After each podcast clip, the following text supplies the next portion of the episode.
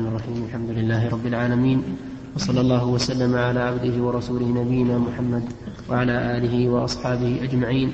قال الإمام أبو عبد الله البخاري رحمه الله تعالى في صحيحه بسم الله الرحمن الرحيم. كتاب الزكاة.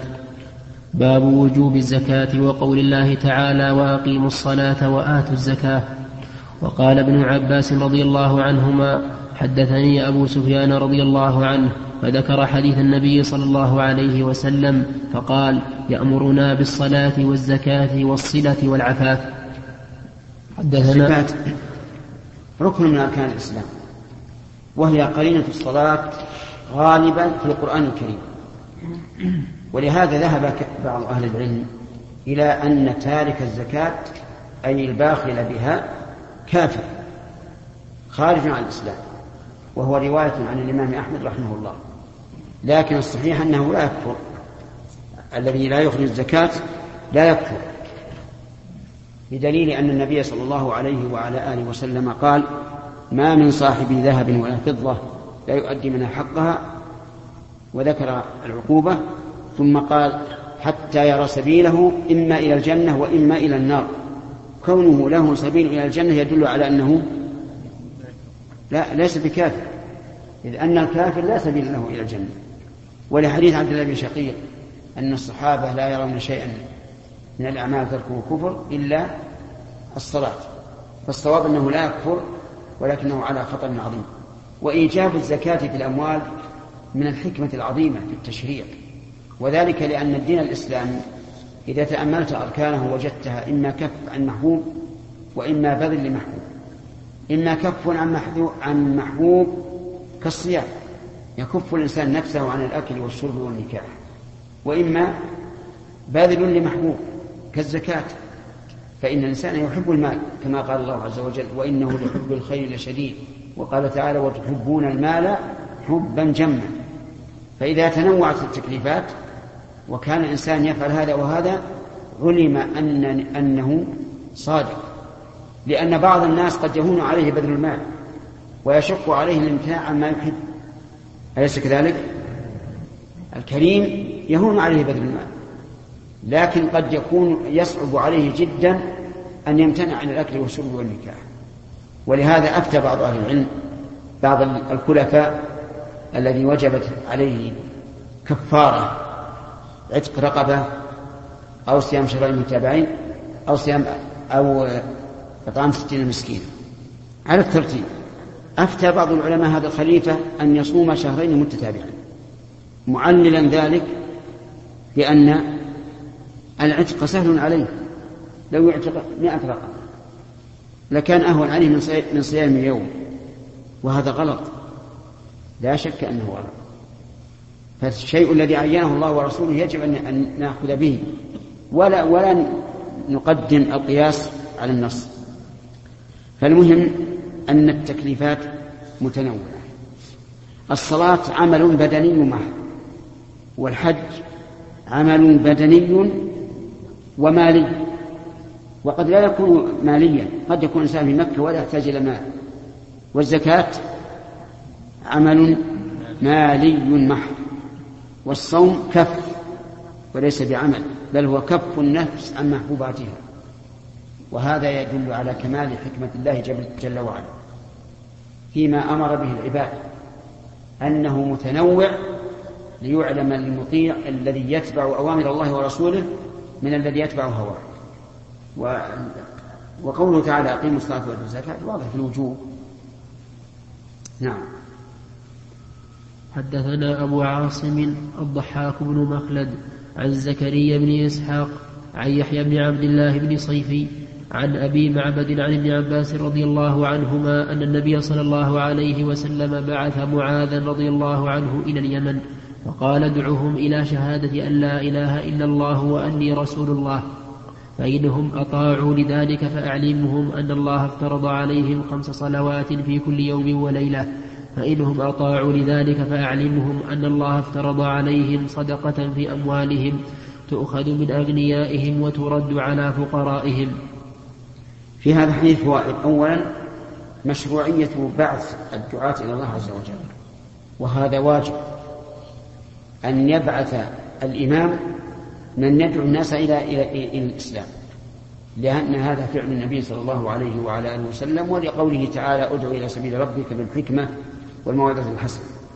وكان بعث معاذ في ربيع الأول في السنة العاشرة من الهجرة.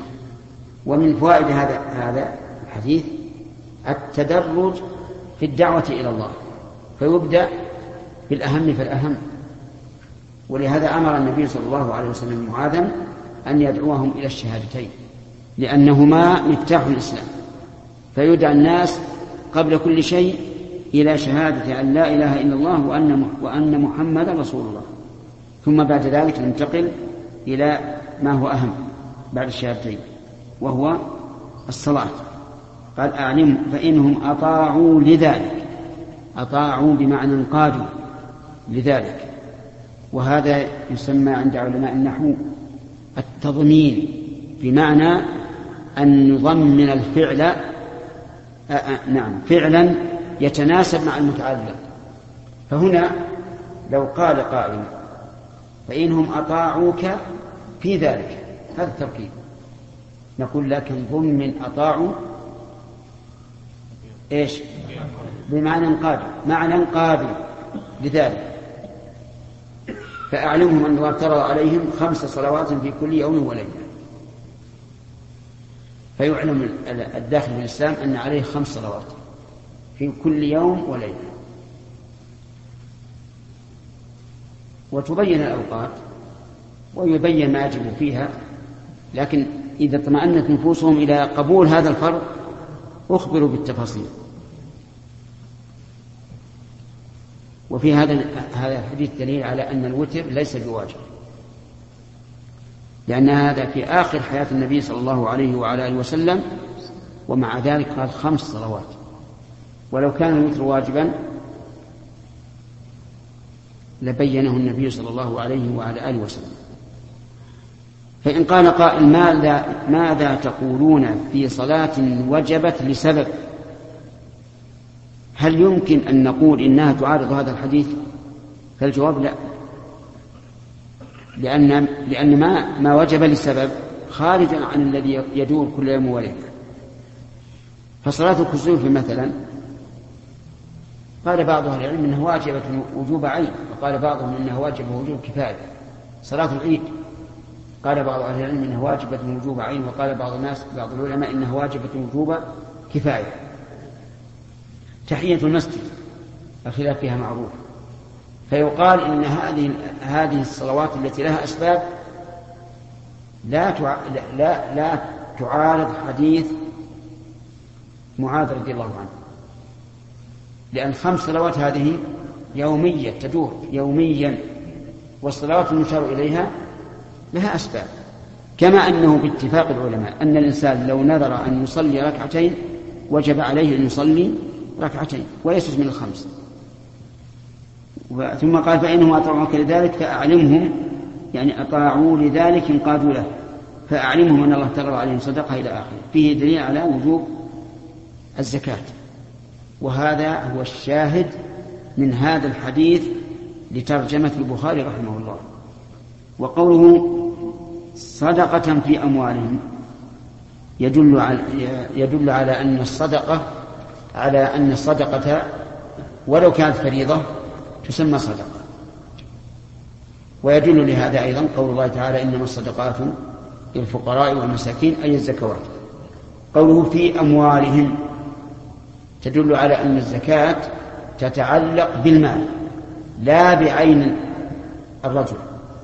ولذلك تجد الزكاة في مال الصبي ومال المجنون مع أن الصلاة لا تجب عليهم لأن الزكاة حق المال وقوله في أموالهم عام لكنه عام أريد به الخاص وهو الأموال التي فيها الزكاة وهي الذهب والفضة وعروض التجارة وبهيمة الأنعام والخارج من الأرض من الحبوب والثمار كم هذه؟ خمسة. السادس سائمة بهيمة الأنعام على تفصيل فيها معروف ربما تأتينا إن شاء الله في, في هذا الكتاب.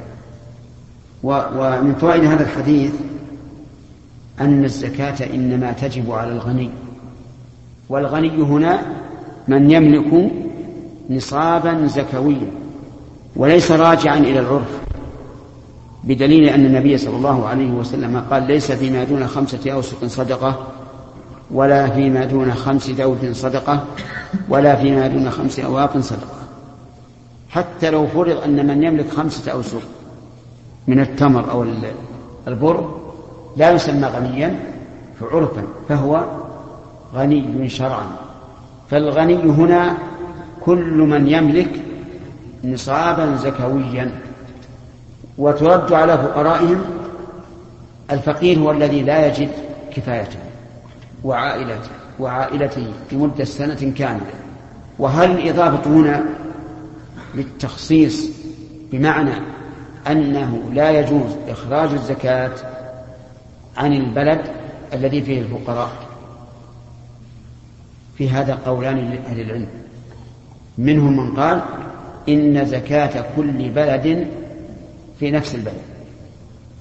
فإذا كان الإنسان مثلا في المدينة فإنه لا يجوز إخراج زكاته إلى مكة بل يجب أن يزكيها في المدينة إلا إذا لم يجد أهل الزكاة فلا بأس.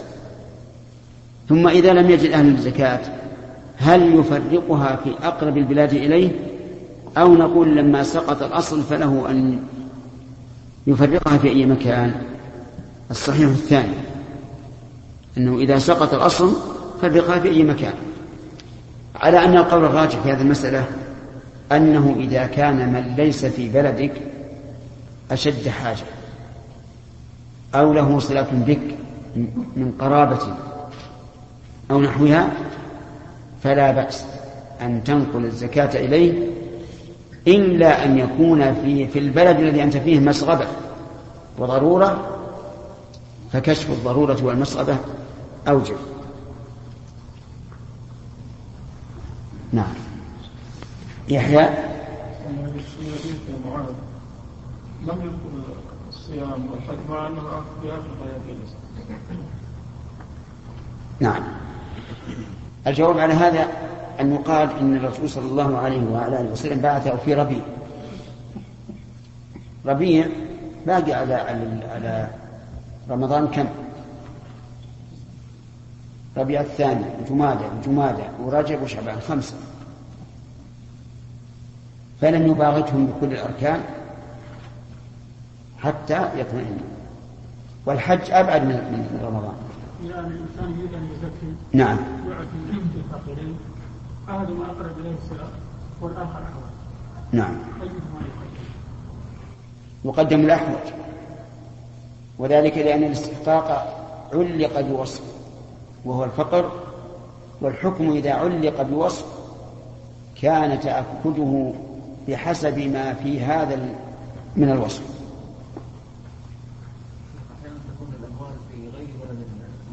في غير نعم. فإذا أرجع بنفسه يعني تأخر عن إخراجه في وقته وإلا وإن أخرجها في وقتها أخرجها في بلد الذي العلماء يقولون إن إن الزكاة تابعة للمال. فإذا قدرنا أن أن هذا الرجل في المدينة وماله وتجارته في مكة يخرجها في مكة لأنها تبع للمال. وزكاة الفطر تبع للبدن. ها؟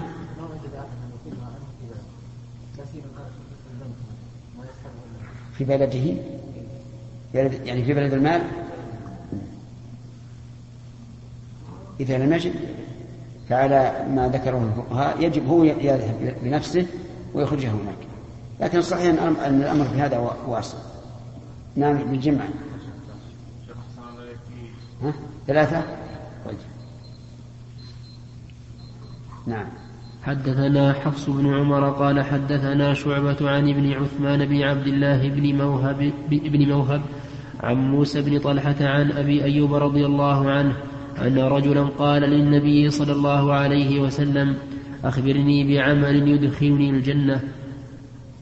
قال ما له قال ما له ما له وقال النبي صلى الله عليه وسلم أرب ما له تعبد الله ولا تشرك به شيئا وتقيم الصلاة وتؤتي الزكاة وتصل الرحم.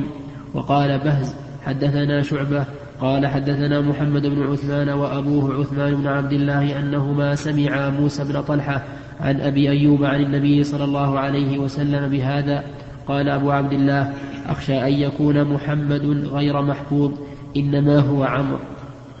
هذا فيه أن هذا الرجل قال النبي صلى الله عليه وسلم أخبرني بعمل يدخلون الجنة. قال ما له ما له يتعجب منه. ثم قال أرب ما له يعني حاجة عظيمة هي له. يسأل عنها. فقال النبي صلى الله عليه وسلم في الجواب تعبد الله ولا تشرك به شيئا وتقيم الصلاة وتؤتي الزكاة وتصل الرحم. فذكر حق الله عز وجل وحق العباد. والرحم هم القرابة وهم من تجتمع بهم في الجد الرابع. فمثلا محمد بن عبد الله بن عبد المطلب بن هاشم. هاشم وما بعده هم القرابة. والآخرون وإن سموا قرابة لكنهم ليس لهم من الحق مثل ما ما من دونهم. الشاهد من هذا الحديث قوله وتؤتي الزكاة. نعم. حدثني محمد بن عبد الرحمن. قوله في أبواب نعم. دل به على أن الزكاة تجب في عين المال من جنسه لا تجب في قيمة. قصر على الوجه.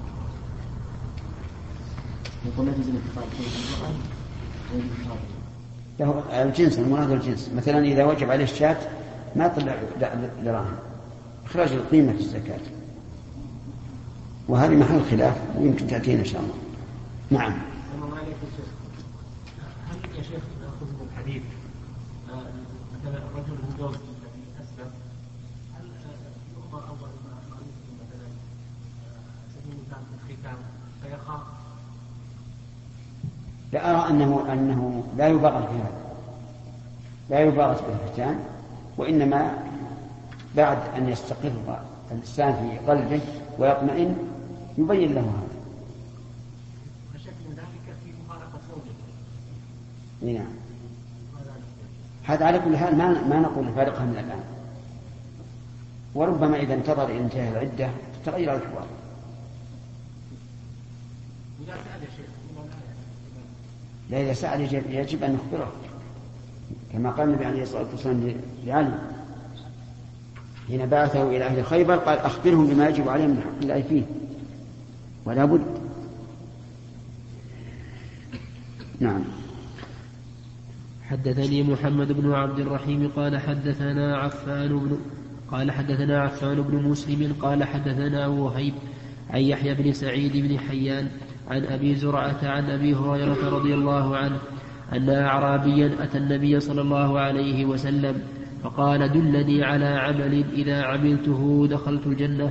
قال تعبد الله لا تشرك به شيئا وتقيم الصلاة وتؤتي الزكاة المفروضة وتصوم رمضان. قال والذي نفس والذي نفسي بيده لا أزيد على هذا. فلما ولى قال النبي صلى الله عليه وسلم من سره أن ينظر إلى رجل من أهل الجنة فلينظر إلى هذا. فإن قال قائل لم لم لم يذكر الحج. والرجل قال لا أزيد على هذا. فالجواب الله أعلم أن النبي صلى الله عليه وسلم علم من حاله أنه لا يستطيع الحج. وإلا كان يجب عليه أن يزيد أن يزيد الحج لأنه ركن من أركان الإسلام. ويأتي إن شاء الله البحث فيه في, في كلام الشارع.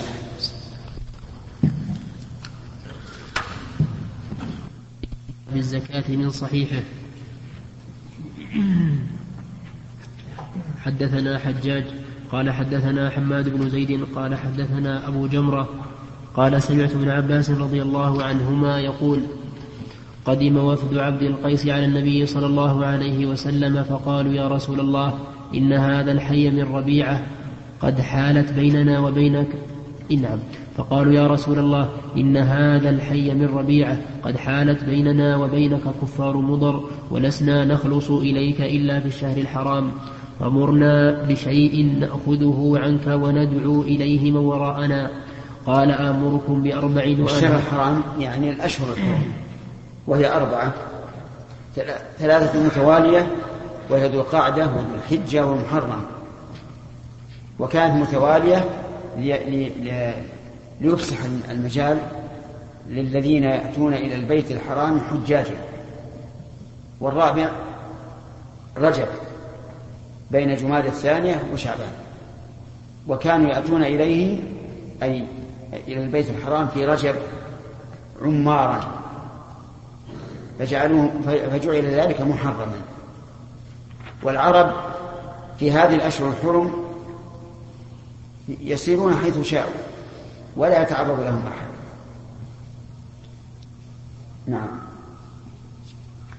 قال آمركم بأربع وأنهاكم عن أربع الإيمان بالله وشهادة أن لا إله إلا الله وعقد بيده هكذا وإقام الصلاة وإيتاء الزكاة وأن تؤدوا خمس ما غنمتم. وأنهاكم عن وأنهاكم عن الدباء والحنتم والنقير والمزفت. وقال سليمان وأبو, النعم وأبو النعمان عن حماد الإيمان بالله شهادة أن لا إله إلا الله. الشاهد قوله في هذا الحديث وإيتاء الزكاة. فجعلها النبي صلى الله عليه وسلم مما يأمر به الذين حدثت أو حدث دخولهم في الإسلام. أما الدبة والحنتم والنقير والمزفت فهذه أواني كانوا ينبذون فيها. يعني يضعون فيها الماء وينبذون فيه الرطب أو العنب وبعد ليلة أو بعد يوم وليلة يشربون هذا الماء لأنه اكتسب حلاوة ونقاء. لكنه بعد ذلك نسخ هذا النهي. وقال انتبذوا فيما شئتم غير أن لا تشربوا مسكرا. وإنما نهى عن, عن, عن هذه الأربع لأنه في الحجاز والجو حار فيسرع التخمر إلى النبيذ من حيث لا يشعرون. حدثنا أبو اليمان الحكم بن نافع قال أخبرنا شعيب بن أبي حمزة عن الزهري قال حدثنا عب قال حدثنا عبيد الله بن عبد الله بن عتبة بن مسعود أن أبا هريرة رضي الله عنه قال لما توفي رسول الله صلى الله عليه وسلم وكان أبو بكر رضي الله عنه وكفر من كفر من العرب فقال عمر رضي الله عنه كيف تقاتل الناس وقد قال رسول الله صلى الله عليه وسلم أمرت أن أقاتل الناس حتى يقولوا لا إله إلا الله فمن قالها فقد عصم مني ماله ونفسه إلا بحقه وحسابه على الله. فقال والله لأقاتلن من فرق بين الصلاة والزكاة فإن الزكاة حق المال. والله لو منعوني عناقا كانوا يؤدونها إلى رسول الله صلى الله عليه وسلم لقاتلتهم على منعها. قال عمر رضي الله عنه فوالله ما هو إلا أن قد شرح الله صدر أبي بكر رضي الله عنه فعرفت أنه الحق. في هذا الحديث يعني على مقاتلة من منع الزكاة. ولكن هذه المقاتلة لا تعني القتل لأن المراد مقاتلتهم حتى يؤدوا الزكاة. فإذا أدوا الزكاة وجب الكف عنهم. وفرق بين جواز المقاتلة وجواز القتل. نقاتل البلد الذي لا لا يؤذنون مثلا. أو نقاتل البلد الذين لا يصلون العيد ولكن لا يجوز قتلهم لأن المراد بالمقاتلة هي لأن المراد بالمقاتلة أن يلتزموا بالحكم الشرعي. وفيه أيضا دليل على جواز مناقشة ولاة الأمور لا سيما ممن يكون مثلهم في المنزلة والمرتبة وقوة العلم. وذلك فيما حصل من عمر مع أبي بكر رضي الله عنه.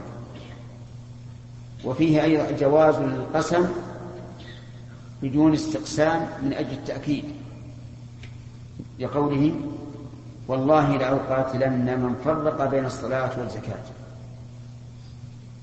وفيه أيضا دليل على أن ترك الصلاة مبيح للقتال وأن ذلك أمر مسلم. ولهذا قاس أبو بكر رضي الله عنه من ترك الزكاة على من ترك الصلاة. نعم.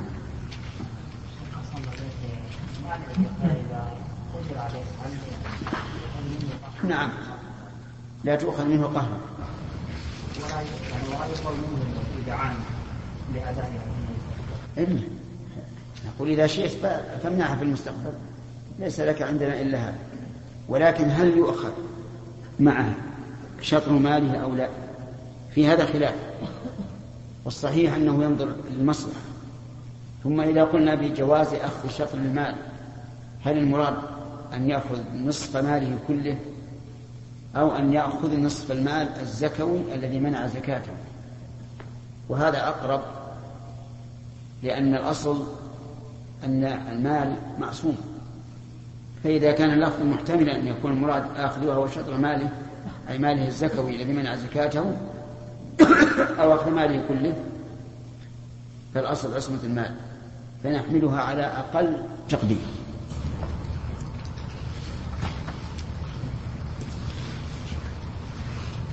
نعم.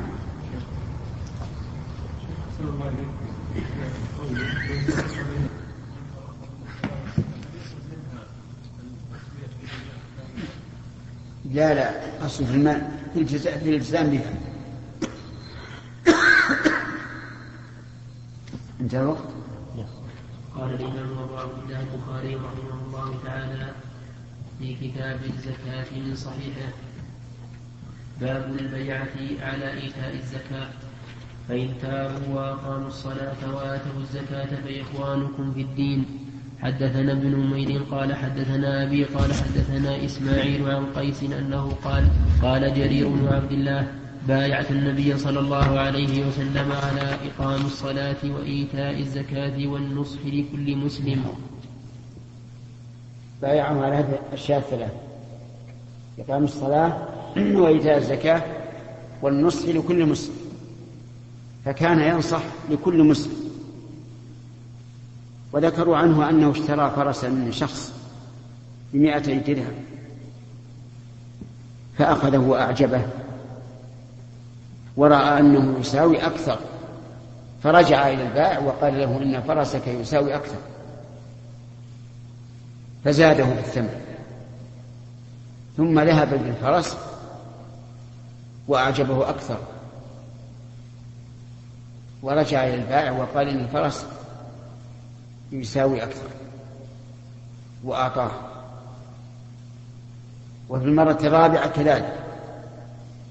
وقال إني بايعت النبي صلى الله عليه وعلى آله وسلم على النصح لكل مسلم. وهذا من النصح. وأدركنا من الناس من يشتري السلعة من المرأة. كان النساء يبسطن في الأسواق. فإذا ذكرت له القيمة وكانت تساوي أكثر قال لها إنها تساوي أكثر. وهذا من تمام النصح. وفي الحديث عن النبي صلى الله عليه وعلى آله وسلم أنه قال من أحب أن يزحزح عن النار ويدخل الجنة فلتأته منيته وهو يؤمن بالله واليوم الآخر. وليأتي إلى الناس ما يحب أن يؤتى إليه. يعني بمعنى أنك لا تعامل الناس إلا بما تحب أن يعاملوك به. وهذا لا شك من تمام الإيمان والنصر نعم. أحيانا يكون في الأسواق الإنسان يجد كالصفقة فيأخذ شيئا رخيصا ولو كان هو البائع ما باعه هل هذا لكن هل هو وجد هذا الشيء رخيصا وهو لا يبيعه بهذا بهذه القيمة؟ هل لأن البائع غافل أو لأن هذا هذا هو السعر. أحيانا يكون البائع من الغافلين. ما يدري عن تغير الأسعار. وربما يزيد السعر وهو لا يدري. وهذا يقع كثيرا. تزيد الأسعار يعني طفرة واحدة. وكان البائع على على السعر الأول. فيجب هنا أن يبلغ. نعم. نعم.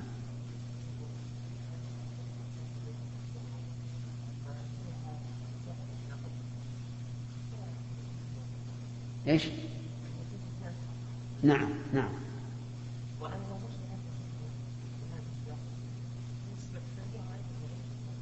نعم. هذا لا بأس. لأنه يعلم أن السلعة قيمتها عشرة لكن جعلها بثمانية لأنه محتاج. نعم؟ لا لا هو هو يعرف هذا. الرجل يعرف أن تساوي عشرة لكن يقول أنا ما, ما لست منتظرا أن يأتيني رجل يأخذها بعشرة. من النصح أن يقول هي تساوي عشرة. هكذا يقول. إذا قال تساوي عشرة وقال أنا ما منتظر عشرة. رجع ثمانية هذا المسلم. معلوم أنه أفضل. معلوم أنه أفضل. لكن هل نقول إذا لم يعطه فقد غشه نعم. باب إثم مانع الزكاة وقول الله تعالى والذين يكنزون الذهب والفضة ولا ينفقونها في سبيل الله فبشرهم بعذاب أليم. يوم يحمى عليها في نار جهنم فتكوى بها جباههم وجنوبهم وظهورهم. هذا ما كنزتم لأنفسكم فذوقوا ما كنتم تكنزون. قول مثل مانع الزكاة. يفهم من هذه الترجمة أنه لا يرى أنه كافر. وإلا لقال باب كفر مانع الزكاة. واستدل بقول الله تعالى والذين يكنزون الذهب والفضة ولا ينفقونها في سبيل الله قال أهل العلم كنزها أن يمنع الواجب فيها وليس أن يغيبها في الأرض. فإذا كان لا يؤدي الواجب فيها فهي كنز ولو كانت على رأس جبل. وإذا كان يؤدي زكاتها يؤدي الزكاة وإذا كان يؤدي الواجب فيها فليست بكنز ولو كانت في قاع الأرض. وهذا حق. فبشرهم بعذاب أليم. إذا قال قائل العذاب الأليم لا يبشر به. فكيف يكون مثل هذا التعبير؟ قلنا هذا التعبير جاء كثيرا. وفي القرآن الكريم فقيل إنه وإن كان إخبارا بما يسوء يعتبر بشرى لأن البشرة تتغير به. البشرة تتغير به سواء كان خيرا أم شرا. وقيل إنه إن بشرهم بعذاب أليم إنهم لما منعوا الواجب كأنهم يرون أنهم غنموا وربحوا فقال بشرهم بهذا على سبيل التهكم بهم. وعلى كل حال هي تدل على أن هؤلاء مآلهم إلى العذاب الأليم. نسأل الله العافية. ثم بين ذلك في قول يوم عليها في نار جهنم فتكوى بها جباههم وجنوبهم وظهورهم. هذا ما كنزتم لأنفسكم فذوقوا ما كنتم تكنزون. يعذبون هذا العذاب ويوبخون هذا التوبيخ. فيزدادون حسرة إلى حسرتهم وحزنا إلى حزنهم نعم. حدثنا الحكم بن نافع قال أخبرنا شعيب قال حدثنا أبو الزناد أن عبد الرحمن بن هرمز الأعرج حدثه أنه سمع أبا هريرة رضي الله عنه يقول قال النبي صلى الله عليه وسلم تأتي الإبل على صاحبها على خير ما كانت إذا هو لم يعط فيها حقها تطأه بأخفافها وتأتي الغنم على صاحبها على خير ما كانت. إذا لم يعط فيها حقها تطأه بأضلافها وتنطحه بقرونها. قال ومن حقها أن تحلب على الماء. قال ولا يأتي أحدكم يوم القيامة بشاة يحملها على رقبته لها يعار. فيقول يا محمد فأقول لا أملك لك شيئا قد بلغت. ولا يأتي ببعير يحمله على رقبته له رغاء فيقول يا محمد فأقول لا أملك لك شيئا قد بلغت. هذه في الغلول فيما أظهر أنه يغل الإنسان فيها فيأخذ من الغنيمة شاة أو يأخذ بعيرا فيعاقب بهذا كما قال عز وجل ومن يغلل يأتي بما غل يوم القيامة.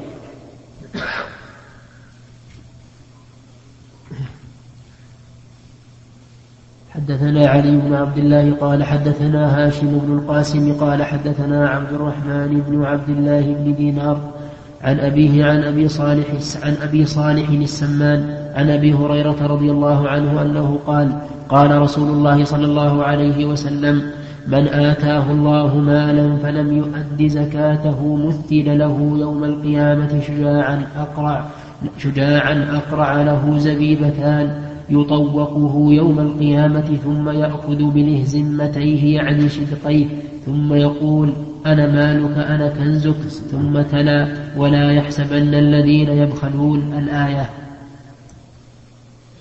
من آتاه الله مالا يعني أعطاه مالا. فلم يؤد زكاته فإنه يمثل له هذا المال يعني يجعل على مثال الشجاع الأقرع والشجاع هو ذكر الحيات الشديد والأقرع الذي ليس على رأسه شعر لأن شعره تمزق من من كثرة سمه والعياذ بالله. وقوله له زبيبتان أي له غدتان مثل الزبيبة قال أهل العلم وهذا هاتان الغدتان مملوءتان من السم. وقوله يطوقه يوم القيامة يعني يجعل طوقا على عنقه. ثم يأخذ أي هذا الشجاع الأقرع بلهزمتيه يعني شدقيه. ثم يقول أنا مالك أنا كنز. يأخذ بالشدقين لأنه يأكل المال ويمنع ما يجب فيه. فيقول هذا الشجاع أنا مالك أنا كنز. فما أعظم حسرته في تلك الساعة؟ أن يكون بخل بالمال يتخذه لنفسه فإذا به يعذب به يوم القيامة. نسأل الله العافية. وهذا الوعيد يدل على أن منع الزكاة من كبائر الذنوب لكن القول الراجح أن أنه لا يكفر بهذا. نعم. إيش؟ نعم. يعني معناها من حقها أنه إذا جاء الفقير وهي على الماء فإنها تحلب وتعطى إياه لأنه محتاج. استثنى قوله تعالى كان بأنه من الواجب فيها. الشيخ لا يكون في تكرار في قوله ولا ينفقون في سبيل الله. هذا هو المعنى. هذا تفسير. هذا تفسير وعطف يعني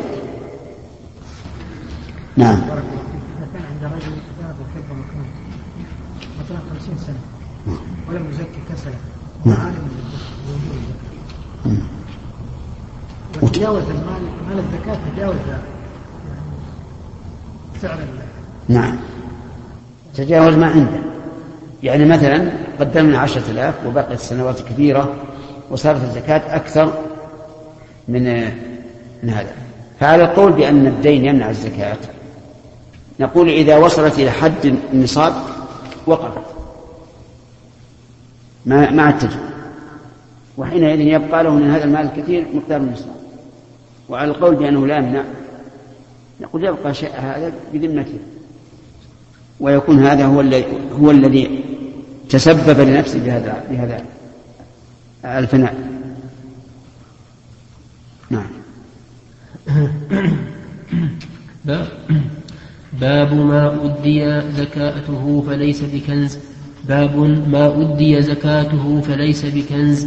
لقول النبي صلى الله عليه وسلم ليس فيما دون خمسة أواق صدقة.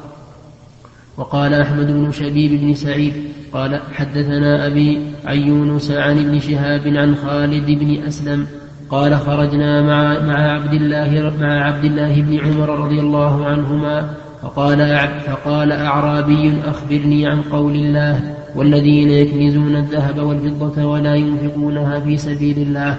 قال ابن عمر رضي الله عنهما من من كنزها فلم يؤد زكاتها فويل له. إنما كان هذا قبل أن تنزل الزكاة فلما أنزلت جعلها الله طهرة للأموال. شوف الأثر هذا.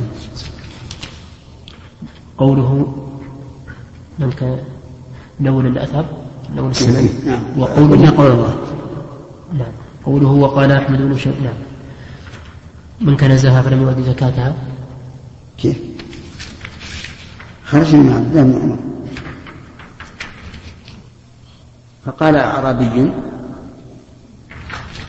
قوله وقال أحمد شبيب كذلك الأكثر وفي رواية أبي ذر حدثنا أحمد وقد وصله أبو داود في كتاب الناسخ والمنسوخ عن محمد بن يحيى وهو الذهلي عن أحمد بن شبيب بإسناده ووقع لنا بعلو في جوز الذهلي وسياقه أتم مما في البخاري وزاد فيه سؤال الأعرابي أترث العمة؟ قال ابن عمر لا أدري فلما أدبر قال ابن عمر يديه ثم قال نعم ما قال أبو عبد الرحمن يعني نعم ما قال أبو عبد الرحمن يعني نفسه سئل عما لا يدري فقال لا أدري وزاد في آخره بعد قوله طهرة للأموال ثم التفت إلي فقال ما أبالي لو كان لي مثل أحد ذهبا أعلم عدده أزكيه وأعمل فيه بطاعة الله تعالى وهو عند ابن ماجة من طريق عقيل عن الزهري قوله من كنزها فلم يؤد زكاتها أفرد الضمير إما على سبيل تأويل الأموال أو عودا إلى الفضة لأن الانتفاع بها أكثر أو كان وجودها في زمنهم أكثر من الذهب أو على الاكتفاء ببيان حالها عن بيان حال الذهب. والحامل على ذلك رعاية لفظ القرآن حيث قال ينفقونها.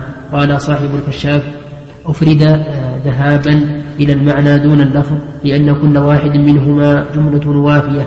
وقيل المعنى ولا ينفقونها والذهب كذلك وهو كقول الشاعر وإني وإني وقيار بها لغريب أي وقيار كذلك.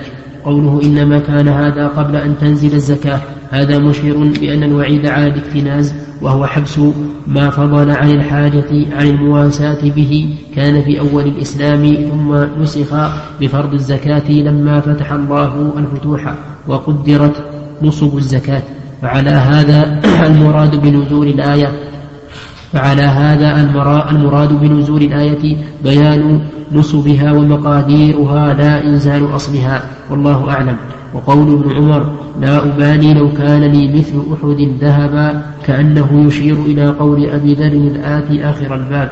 والجمع بين كلام ابن عمر وحديث أبي ذر أن يحمل حديث أبي ذر على مال تحت يد الشخص لغيره فلا يجب أن يحبسه عنه أو يكون أو يكون له لكنه ممن ممن ممن آه، يرجى فضله وتطلب عائلته كالإمام الأعظم. فلا يجب أن يدخر عن المحتاجين عن المحتاجين من رعيته شيئا. ويحمل حديث ابن عمر على مال يملكه قد أدى زكاته. فهو يحب أن يكون عنده عنده ليصل به قرابته ويستغني به عن مسألة الناس. وكان أبو ذر يحمل الحديث على إطلاقه فلا يرى بالدخار فلا يرى بالدخار شيء أصلا. قال ابن عبد البر وردت عن أبي ذر. فلا يرى. فلا يرى بالدخار شيء. ادخار شيء أصلا. اقلب الشريط من فضلك.